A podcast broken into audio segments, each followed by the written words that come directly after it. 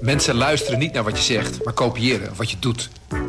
Onze vitaliteitsexpert Martin Hersman helpt je te focussen op wat echt belangrijk is. Beluister en bekijk Martin of een van onze andere experts op businesswise.nl.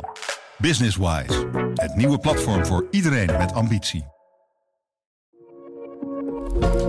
Goedemiddag. De Volkskrant praat je in 5 minuten bij met het nieuws van vrijdag 30 juli. Testen voor toegang staat op een laag pitje. Toch verdienen de betrokken partijen nog steeds miljoenen. Het kabinet verscherpte begin juli de maatregelen vanwege de opmars van de Delta-variant. Nachtclubs moesten weer dicht en festivals werden afgelast. Vorige week werden er daardoor nog slechts 68.000 toegangstesten gedaan, tegen ruim een half miljoen in de eerste week van juli.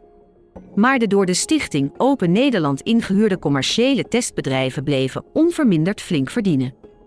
Zij worden namelijk niet betaald per verrichte test, maar voor beschikbaar gestelde capaciteit. De testbedrijven verdienen ongeveer 1 miljoen euro per dag. Een woordvoerder van Stichting Open Nederland zegt het ook zonder te vinden van het geld. Maar we moeten de winkel open houden, ook als er eventjes weinig klanten zijn.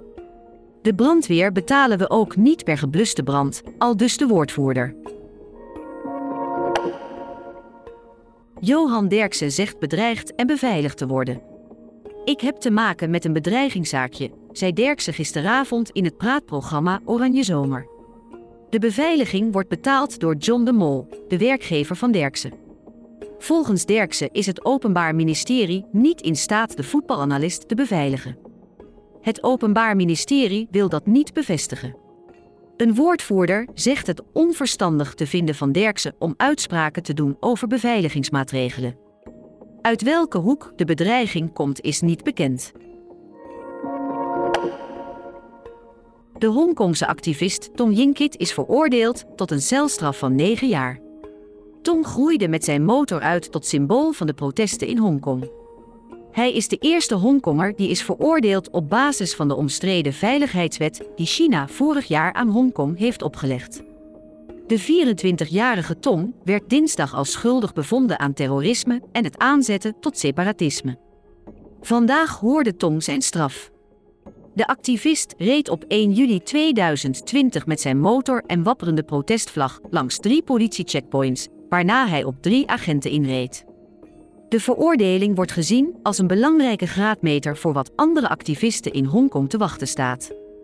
Mensenrechtenorganisaties hebben de veroordeling bekritiseerd. Zij zien de nieuwe veiligheidswet als een methode van de Chinese overheid om critici achter de tralies te zetten. De Amsterdamse galeriehouder Roy Kaman heeft door te sjoemelen met facturen zijn fotografen en klanten fors benadeeld. Dat blijkt uit onderzoek van de Volkskrant. De galeriehouder verkocht werk geregeld voor meer geld dan was afgesproken en stak het verschil in eigen zak. In totaal zou de galeriehouder minstens tienduizenden euro's extra hebben geïncasseerd zonder dat de makers of aanbieders van die werken daarvan wisten. Kaman is een van de grotere spelers in de Nederlandse fotomarkt. Hij vertegenwoordigt zo'n 30 fotografen en opende vorige maand een tweede vestiging in Rotterdam. De Nederlandse voetbalsters zijn uitgeschakeld op de Olympische Spelen. De Verenigde Staten wonnen na strafschoppen en gaan door naar de halve finale. De wedstrijd begon goed voor Nederland. Vivianne Miedema maakte de 1-0. Daarna scoorde Amerika twee keer in drie minuten. Na de rust maakte Miedema de gelijkmaker.